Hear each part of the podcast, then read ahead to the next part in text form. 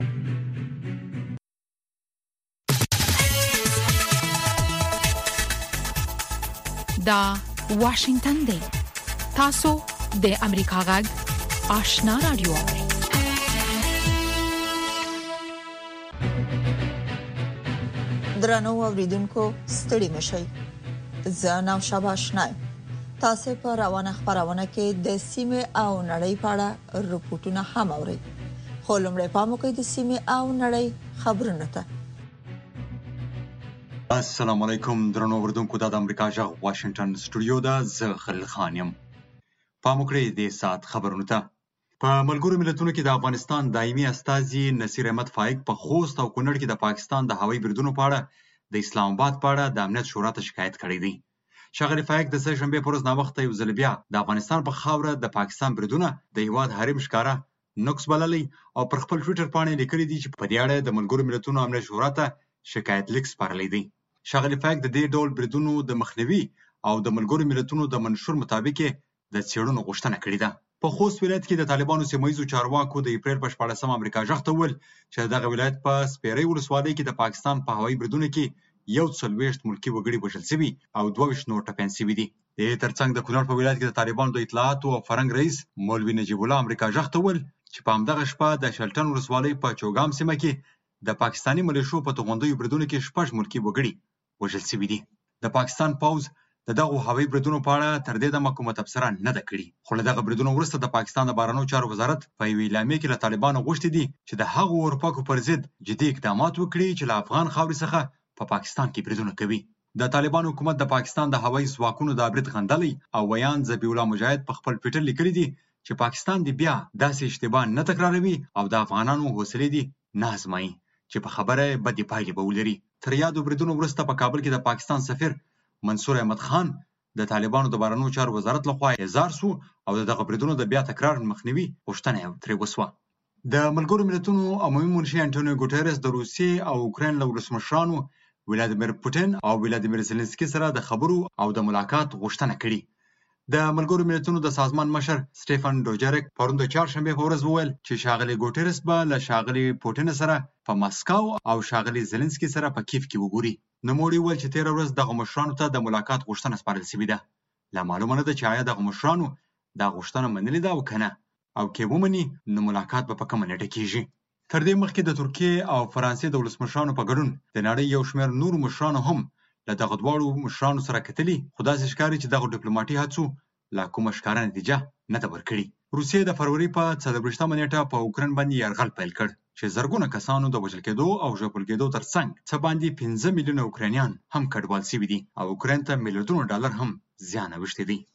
د روسیې د بهرنیو چارو وزارت اعلان کړی دی چې د هالنډ پنځلس ډیپلوماټان له خپلې خاورې څخه شړي او هغوی ته یې دوې اونۍ وخت ورکړی دی. روسیې دغه اقدام د هالنډ د حکومت د تېرې میاشتې له همداسې یو اقدام وروسته وکړ. هالنډ ولس روسي ډیپلوماټان وشړل او هغوی یې په جاسوسۍ تورن کړل. په اوکراین باندې د روسیې له یرغل وروسته له یو شمېر اروپايي هېوادونو څخه د روسیې ډیپلوماټان شړل شوي دي. په همدې حال کې د روسیې د بهرنیو چارو وزارت اعلان کړی دی چې د اتریش او بلغاریا دولس ډیپلوماټان هم شړي دغه دواړو هیوادونو هم د روسیې ځینې ډیپلوماټان شړلي دي په اوکراین باندې د روسیې د یرغل وروسته د امریکا متحدو ایالاتو پولند لټوینیا لاتویا استونیا سلواکیا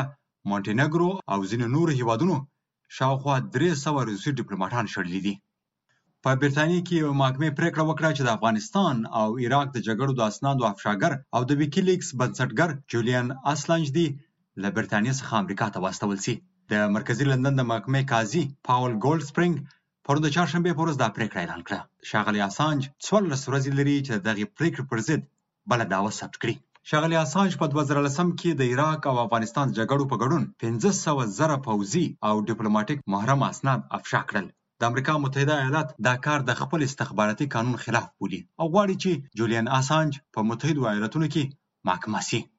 د ترکیې جمهور رئیس رجب طیب اردوغان د چهارشنبې پر ورځ ویل چې د عراق مرکزي حکومت د دغه هیواد په شمال کې ناقانونه ګڼل شوي کوردي وسلوالو پر ضد د ترکیې د وروستي بریدونو ملاتړ کوي. د ترکیې جمهور رئیس دغه وروستۍ څرګندونې له هغه یو ورځ وروسته راغلي چې بغداد د ترکیې سفیر راایزار کړ او د ترکیې وروستي پوځي کمپاین په اړه ورته احتجاج وکړ. د ترکیې پوځ د یکشنبې پر ورځ د دوه زره شلم کال وروسته د عراق په شمال کې د خپل دریم پوځي عملیاتو د پیل خبر ورکړ. او د خپلو دوو سرتېرو او د لسګونو کردي وسله والو د وژل کېدو راپورټ یې هم ورکړ. اردګان د پارلېمان غونډې ته وویل چې بغداد او په اربیل کې د کردانو خپلواکې سیمې مشران د ترکیې د ځمکني او هوایي عملیاتو ملاتړ کوي، خو په بغداد کې چارواکي په عامه د ترکیې په پوځي عملیاتویې ناخوښي څرګنده کړې او د بغداد مرکزي حکومت د چهارشنبې په ورځ د اردګان ادعاوې رد کړې دي. د اسرایلو پوځ ویلي چې د فلسطین د غزې تړانګې څخه د چهارشنبې په ورځ په اسرایلو یوه توغندۍ وار شوي. محلي پولیس ویلي چې د اسرایلو په جنوبي ښار د سیډروډ د یو کور په انګړ کې د دغه توغندۍ پارچې لوېدلې دي. پولیس ویلي چې څوک په دغه راکټي برید کې نه دی زخمي شوی. دغه نوی برید په داسې حال کې شوی چې د اسرایلو او فلسطینیانو ترمنځ د بیت المقدس ښار او د الاقصا جومات په انګړ کې تېره اونۍ د تشدد پیښې وشوې چې له امله چې له امله یې یو سل اویا تنه زخمیان شول. چې اکثره یې فلسطیني مزارچیان ول چې د اسراییلو امنیتي ځواکونو لخوا زخمي شوي. بلې خوا د منځني ختیځ لپاره د ملګرو ملتونو د سولې استازي ټور ویزلنډ هم د پاروونکو اقداماتو د درېدو غوښتنه کړې او د ملګرو ملتونو د کډوالو د چارو اداره وایي په اوکراین د روسیې ځواکونو د برید له پیله تر اوسه د اوکرایني کډوالو شمیر تر 15 میلیونه واوښت دا د دوهمې نړیوالې جګړې وروسته په اروپا کې تر بل هر وخت ډېر کسان دي چې کډوال کیږي د ملګرو ملتونو په وینا د اوکراین په داخل کې بیا نږدې اوه اعشاریه یو میلیون کسان د خپلو کورونو پرېښودو ته اړ شوي دي دا و خبرونه چې تاسو د امریکا ژغ د واشنگټن د سټوډیو څخه واوریدل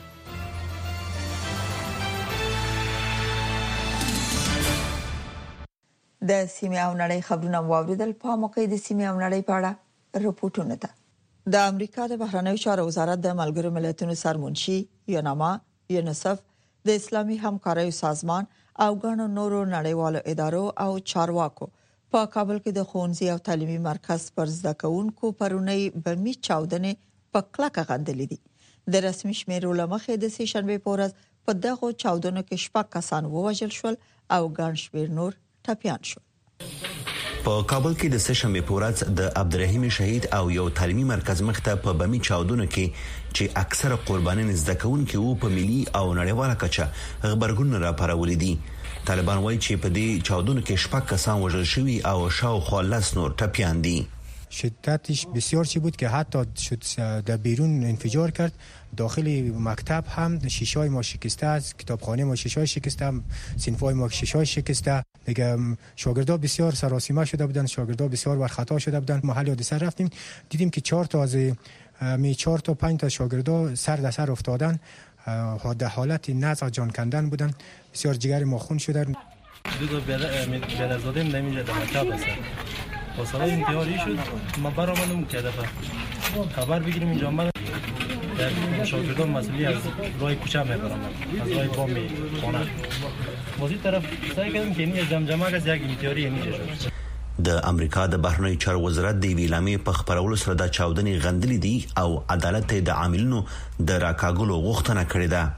اعلامیه کې راغلي دي ټول افغان ماشومان د دې مستحق دي چې خپل درسونه په آرام فکر او لویری او تاوتریخوالي پرته پر مخ یوسي د ملګرو ملتونو سرمنشي انټونیو ګوتریش هم دا چاودنې غندلي او د پیښې د قربانیانو له کورنیو سره ژوره خواخوږي ښودلې ده په ملکي وګړو او د ښوونځیو په شمول په ملکي تاسیساتو بریدونه د نړیوالو بشردوستانه قوانینو له مخې په کلکه منع دي. د ماشومان د ملاتړ د صندوق یا یونیسف اجرایوي مشرې کاترین رسل هم د یوې اعلامیې په خبرولو سره په دې چاودنو کې د وژل شوو ماشومان له کورنۍ سره ژوره خواخوږي خودلې او ټپیان ته د عاجلې روغتیا هیله کړې پر ماشومان او تعلیمي بنسټونو بریدونه د بشري حقوقو څخه جدي سرغړونه شمیرل کیږي خوندزي د زده کړې تر مکانونو ډیر څه دي باید د خوندیتوب او سولې ځایونه وي په افغانستان کې د ملګرو ملتونو ځانګړي استاد دیبرا لاینز هم د دغه برید د کلکې غندنې ترڅنګ په ښوونځیو او ماشومان باندې د برید د جرم د عاملینو محاکمه غوښته ده د اسلامي همکاریو سازمان هم د ښوونځي او یو تعلیمي مرکز پر زده کوونکو د چاودنې په کلکه غندلې دي په اعلامیه کې راغلي دي د اسلامي همکاریو سازمان د دې بمی چاودنو لامل چې د بیګنا افغانانو د مرګ ژوبل لامل شوی خپل خواخوږي او ژوره اندېښنه ښيي دا ناوړه او بې رحمه بریدونه د بې احساسه ظلم ښکارندوی کوي چې هدف یې د افغانستان بې ثباته کول دي. په افغانستان کې د امنیتي اندېښنو سربېره د ماشومان د ساتنې سازمان یا سیو د چلدرن په افغانستان کې د وچکالۍ او د نړیوالو مرستو د بندیدو له امله د بشري بحران د سختیدو په اړه اندېښنه خودلې او ویلي دي چې اوس مهال قحطي او لوږه د 15 میلیون ماشومانو ژوند ګواښي. دغه سازمان په یو راپور کې ویلي چې افغانستان د خوړو له بد ناورین سره مخ دی او اوس مهال له هر دریو ماشومانو دوی د خوراکي خوندیتوب لپاره هلې ځلې کوي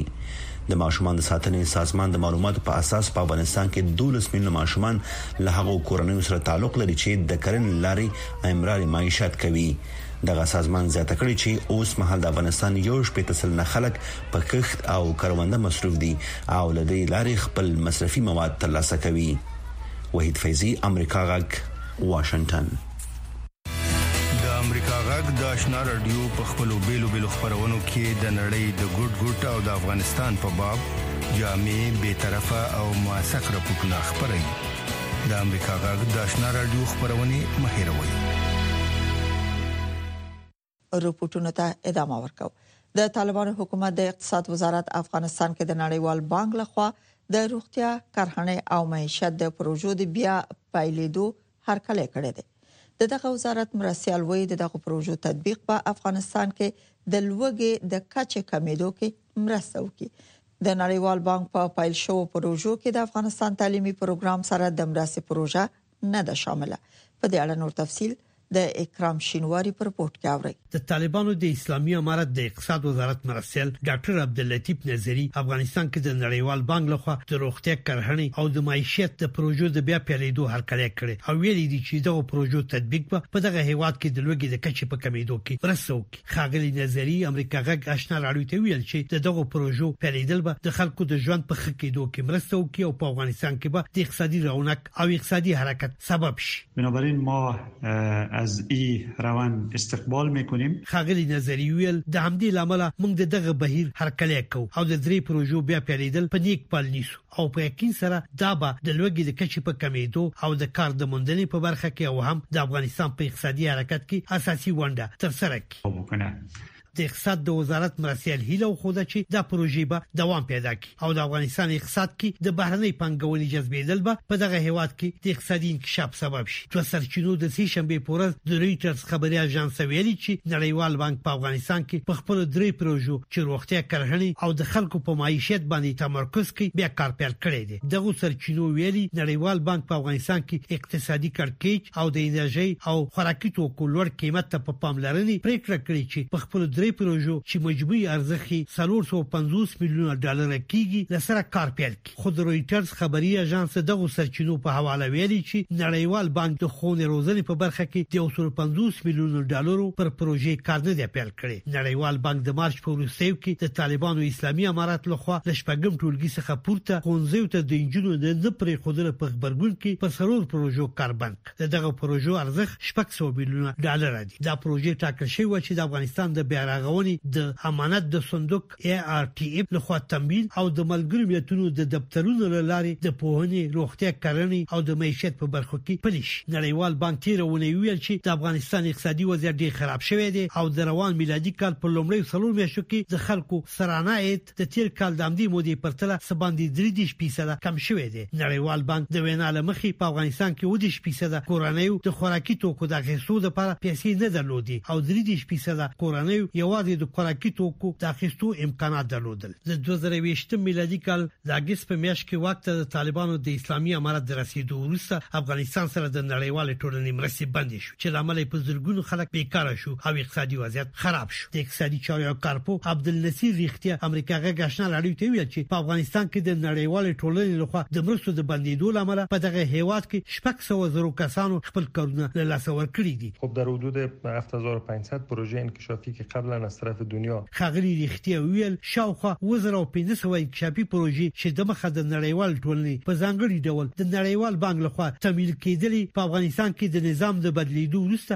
دا پروژې بندې شوې او له شپږ سوه زرو څخه زیاتو کسانو چې په دې پروژو کې کار کاوه خپل کارونه له لاسه ورکړل. تجهیز دادند د اقتصادي چارو د کارپوهوي چې د دغو پروژو او د دغه سينورو پروژو په پیلېدو سره به په افغانستان کې د خلکو د اخیستلو توان زیات شي چې ورسره به په بازار کې رونق رامنځته شي او اقتصادي وضعیت به په مثبت لور حرکت وکړي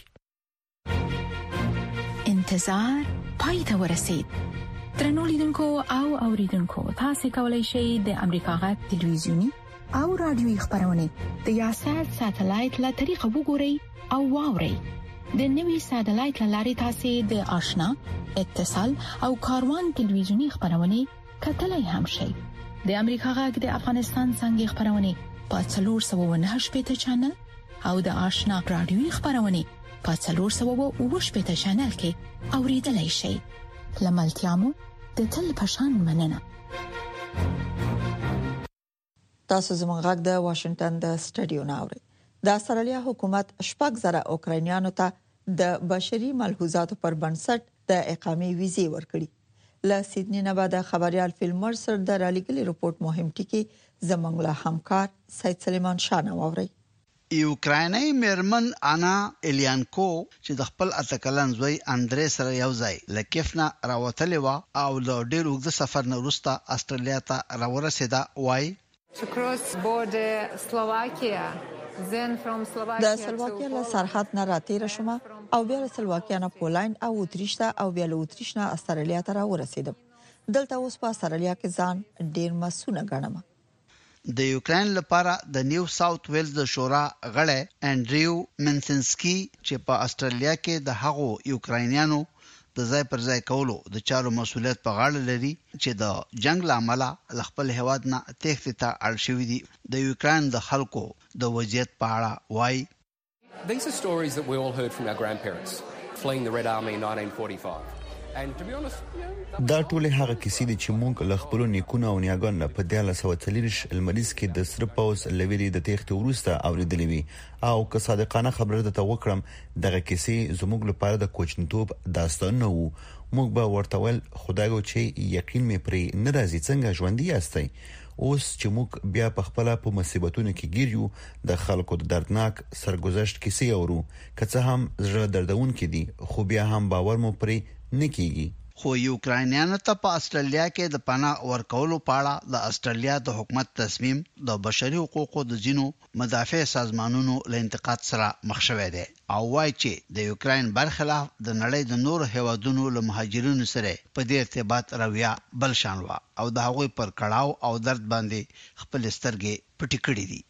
که څه هم چې د اسټرالیا حکومت دغه ادعاګانې ردوي او وايي ټولو هغو مهاجرینو ته په یوه سترګه ګوري چې ژوند یې واقعاً په خطر کې خو د ریفیوجي اکشن کولیشن په نوم د مهاجرینو د یوه مدافع سازمان غړی ایان رنتول د اسټرالیا د حکومت په دې خبره باندې قانع نه دی او وايي.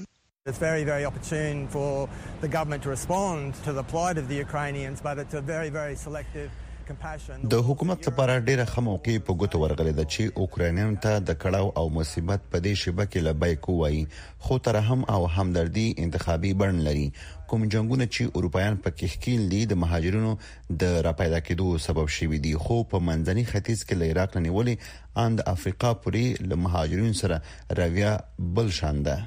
د اسټرالیا حکومت وايي چې ګڼ شمېر نورو هغو یوکراینانو ته به هم اسټرالیا ته د مهاجرت ویزې ورکړي چې پر یوکراین باندې د روسیې د نظامي یرغل نه وروسته له خپل هېواد نه تېښتې ته اړ شوي دي. د اسټرالیا حکومت د روسیې پر ضد یو لړ سخت اقتصادي بندیزونه لګولي دي او صدراعظم سکاټ موریسن د روسیې د نظامي یرغل غندنه کړې ده او وايي چې پر یوکراین باندې بې رحمانه، غیر قانوني او بې جوازه تېری وکړ. د یوکراین پوځ ته توغندي او ذرېدار نقلیه وسایط لېږلي دي او هم یې بشري مرستې استولي دي. سید سلیمان شاه، د امریکا غږ، واشنګټن.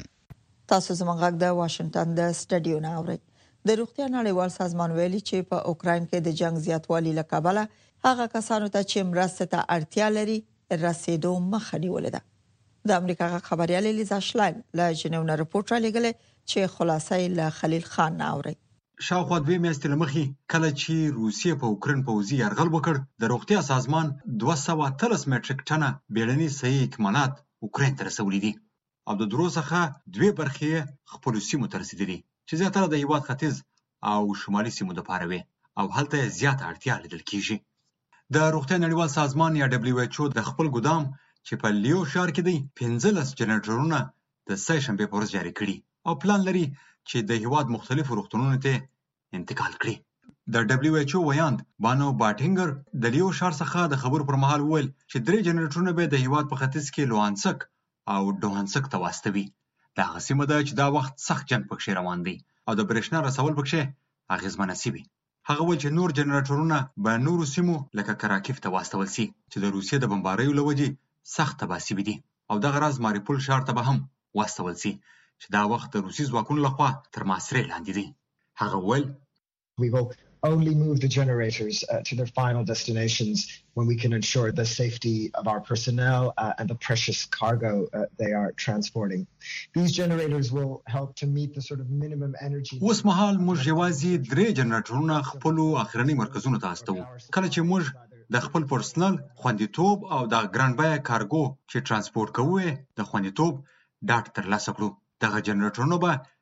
لږ تر لږه پر روغتونونو کې د سرجرۍ څانګو صحي او د انرژۍ اړتیاوې پوره کړي. په دغه ځایونو کې د انرژۍ سپلای یا ډېره محدوده یا بیخي نشته. ویاند زیاته کړه چې ډبلیو ایچ او تایید کړي چې په اوکراین کې تر اوسه په صحي مرکزونو، امبولانسونو او صحي کارکوونکو یو سل اووه څلوېښت بریدونه شوي دي. هغه دا هم وویل چې لږ تر لږه درې اویا کسان وژل شوي او دوه پنځوس زخمیان دي.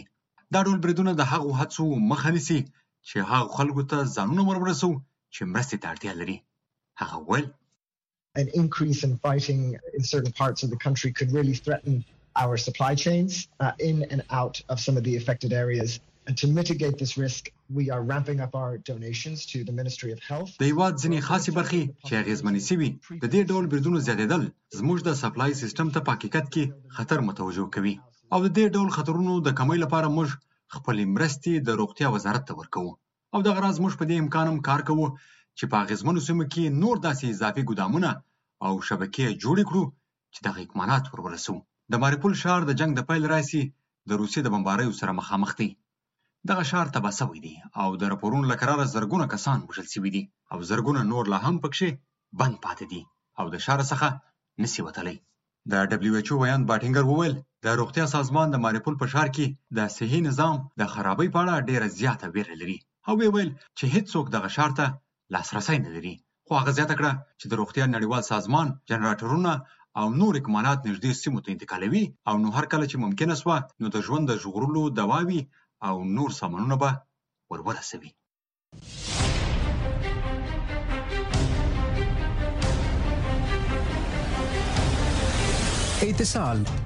زموږ او ستاسې پیوستون خبرونه، څېړنې او غبرګونونه موثق معلومات او دقیق جزئیات هغه کورنۍ نړیواله او سیمه ییزې مسلې چې د عام خلکو پر ژوند اغیزې لري ستاسو پوښتنې د چارواکو ځوابونه او د پوهانو سپارښتنې له یکشنبې تر پنجشنبې د ماښام پر پنځو بجو او دېرشو دقیقو له واشنګټن څخه پر ژوندې بڼه. درنو اوریدونکو د هرات په ولایت کې په سلګونو د نشئی توکو هغه معتادین چې په دې وروستیو میاشتو کې د خار له مختلفو واټونو نه د درملنې لپاره راټول شوي وو اوس یې درملنه شوې ده او خپل کورونو ته ستانه شوي دي صفی الله احمدزی له هرات نه په دې اړه رپورټ را لګلی د هرات مرکزي محبس یو څانګه کې د زندانیانو د ساتنې په ځای اوس د نشه یي توکو د معتادینو د درملنې د مرکز په توګه چې له څو میاشتو راهیسې کار اخیستل کیږي تازه په کې پنځه سوه د نشه يي توکو روږدي روغ شوي او خپلو کورونو ته ستنېږي. د دې سلګونو معتادینو درملنه دلته له دوو نه تر پنځو میاشتو په موده کې شوې. روغ شوي معتادین د عادي ژوند پیل ته په هیله دي. چې ولاړ شي وروره ډېر د خوشحالۍ احساس دی ولاړ شي خپل کور ته خپل بچیانو ته خپل د بچیانو سره خپل د کوروالا سره وروره. ابکشین ورسره ووینی وروره خپل مور او پلار ته ورسیږی دا خو ډیره غټه خبره ده. دا اوس مې کوچنکه نجلۍ د بل چا خور ولیدله، خپله لور مې را په یاد شوه، ډېر مې وژړل، مولویانو هم ولیدله، وایي ولې ژاړې؟ ما لې پوډر مې یادېږي، ما ویل خپله لور مې یادېږي، اولاد مې را په یاد شو. اوس مهال شاوخوا یو زرو پنځه سوه تنه معتادین د اعتیاد پرېښودلو په موخه د هرات په مرکزي زندان کې ساتل کېږي. دوی د مختلفو ولایتونو دي. په هرات ولایت کې د طالبانو سیمه ییز مسؤلین وايي چې زیاتره معتادین په هران کې په نشه یي توکو روږدي شوي دي. د مختلفو ولایتو د فراه، د کابل، د نیمروز، د کندهار، هلمند، روزګان، د دې ګردو ولایتو نفر په کښې کې دي. ځکه دا چې دي خو نو هرات یو مرزي ولایت دی. دا وې اکثر په ايران کي هلته معتادان سوي دي او بيا را اوښتي دي وايي هرات ته بره نو دلې ځای پر ځای سوي دي دلته دي. د دغه محبس معتادين د هرات له ښار څخه را ټول شوي وو خو ځينو کورنيو خپل معتاد خپلوان هم دلته راوستي چي مخدره مواد پريږدي. دا هڅې د هرات سیمه ییزې ادارې له خوا په داسې حال کې کېږي چې په دغه ولایت کې د معتادینو شمېره لوړه ده او د درملنې امکانات محدود شوي، د معتادینو دولتي روغتون فعالیت نه لري او د ښځینه معتادینو لپاره هم د درملنې ځای نشته. درنو اوریدونکو اوس هم پام وکړئ د امریکا غږ سرمقالې ته.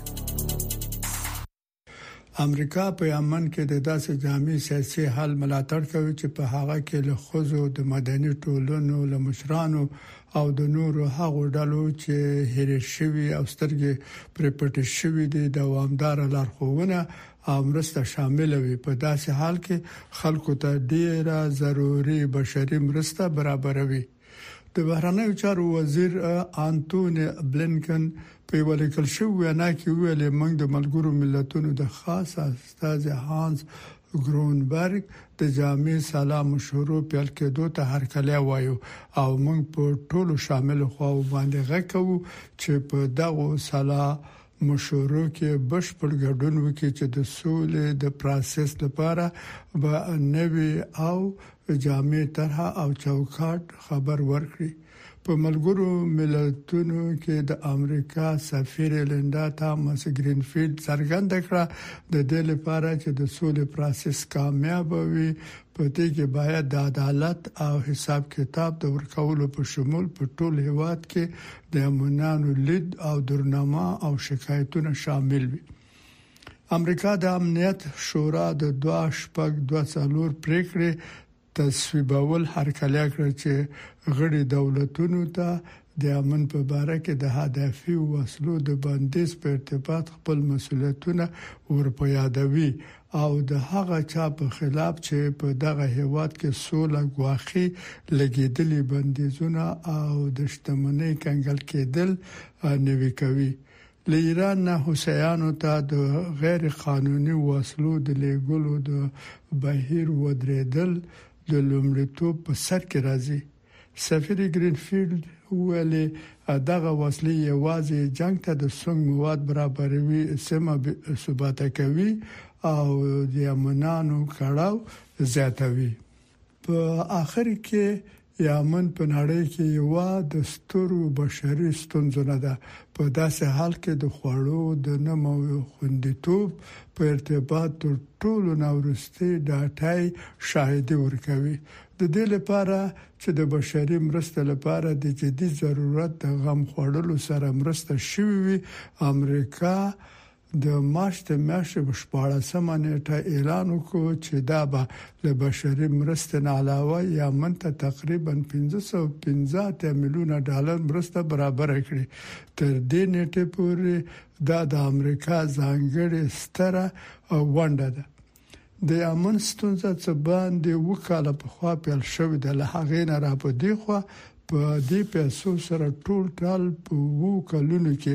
امریکا تقریباً څلور اعشاریه پنځه میلیارده ډالر برابر کړي دي.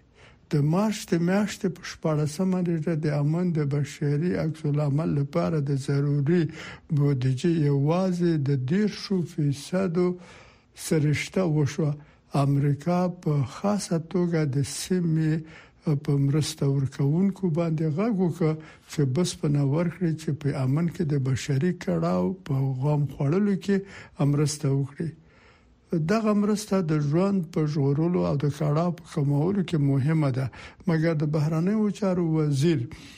بلېنکن نو وویل، دا باید هغو خلکو ته ورسېږي چې ډېر ضرورت ورته لري، څو موږ بیا په ټولو شاملو خواوو باندې غږ کوو چې د مرستو د رسولو په فعالیتونو کې مداخله بنده کړي چې د دې ډاډ ورکړای شي چې مرستې په نظر کې نیول شوو کسانو ته ورسېږي. بشري مرستې یوازې د دغه ستونزې اصلي غم نه شي خوړلای، په جنګ کې ټولې شامل خواوې باید دښمني بند کړي د امن د خلکو په خاطر دغه جنګ ته د دوامدار جامع سیاسي حل لپاره لارې چارې ولټوي درنو اوریدونکو تاسو د امریکا غږ سرمقاله واوریده چې د امریکا رسمي نظر څرګندوي په همدې سره د نن سر خبرونه پای ته رسیدي